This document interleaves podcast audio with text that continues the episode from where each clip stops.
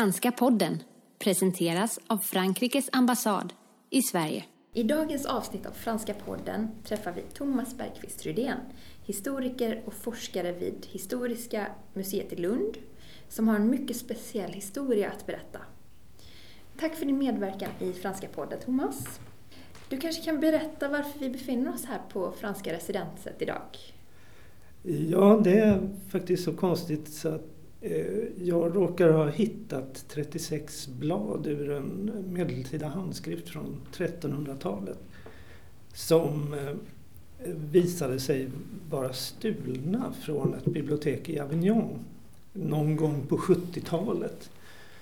Och jag lyckades identifiera de här bladen och insåg detta och då, då eh, meddelade att jag att jag ville restituera dem, alltså återlämna dem till där de hör hemma.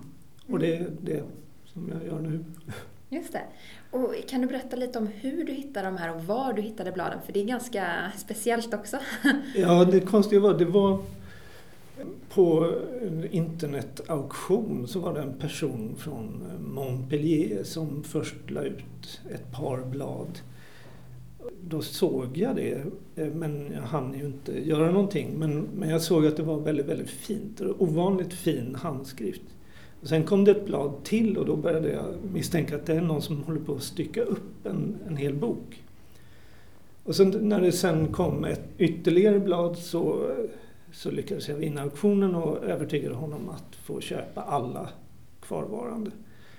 Till det roliga i det hela var att jag också spårade upp de tidigare bladen som hade sålts och köpte tillbaka dem så att säga.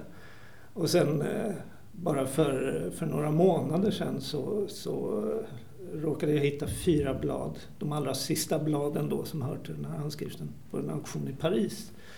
Som eh, kulturministeriet i Frankrike la beslag på då. Så att nu är alla blad tillbaka och samlade igen. Eh, ett blad var från Arizona och ett, två blad från här i Sverige, lustigt nog. Det är, en, eh, det är en fin historia. Men jag har sett bilder på manuskriptet och bladen är väldigt små och sköra, väldigt fint skrivna och även illustrerade. Men vad, vad innehåller manuskriptet mer exakt? Vad är det för typ av text? Det är en ganska vanligt förekommande text. Det är en, en bönbok, en så kallad tidebok med saltar, salmer och böner för olika tidpunkter på dagen och, och, så. Det som är speciellt med den här är väl att den just är, är väldigt fint dekorerad på varje sida med bladrankor och kaniner och hundar och eh, apor som står på händerna och mm. Eh, diverse sådana här ganska roliga saker. Och så förefaller det också vara så faktiskt att den är tillverkad för en fransk prinsessa eh, av åtta olika konstnärer som var verksamma i Paris då kring 1320-30-tal. Mm, fint. Um, skulle du kunna berätta lite om dig själv och ditt intresse för just den här typen av texter och kanske din koppling till Frankrike också? Ja, jag är konst, konsthistoriker, konstvetare och bokhistoriker och har disputerat på bokmåleri. Eh, då var det engelskt eller anglosaxiskt bokmåleri från 900-talet som jag höll på med. Men eh, sen har jag också eh, forskat, suttit på Vatikanbiblioteket och på olika ställen och så att säga, bekantat mig med handskrifter och medeltida, medeltida böcker.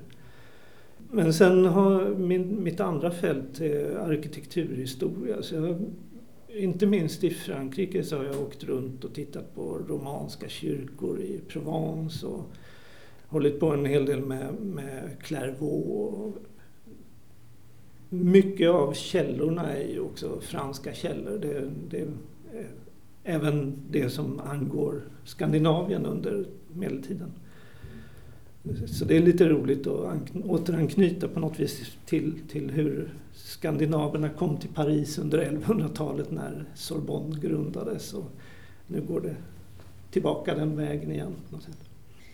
Och hur, hur känns det nu när du när du ska få lämna ifrån dig de här bladen som du haft så länge? Jag tror än så länge att det är odelat positivt. Det här har varit en lång, lång process, eh, sju år egentligen.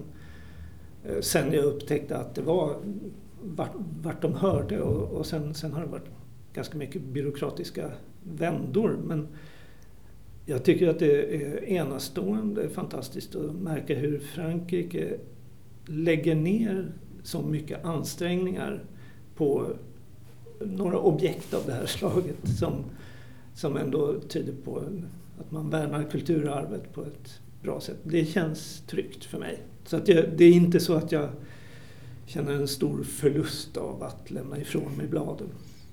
Det är bra. Och jag tror att vi är glada också, och att de är glada, väldigt glada, att du, att du också har gjort det här arbetet. Och vi vill som sagt tacka dig för att du är här idag eh, och är med i Franska podden. Tack så mycket. Tack själv.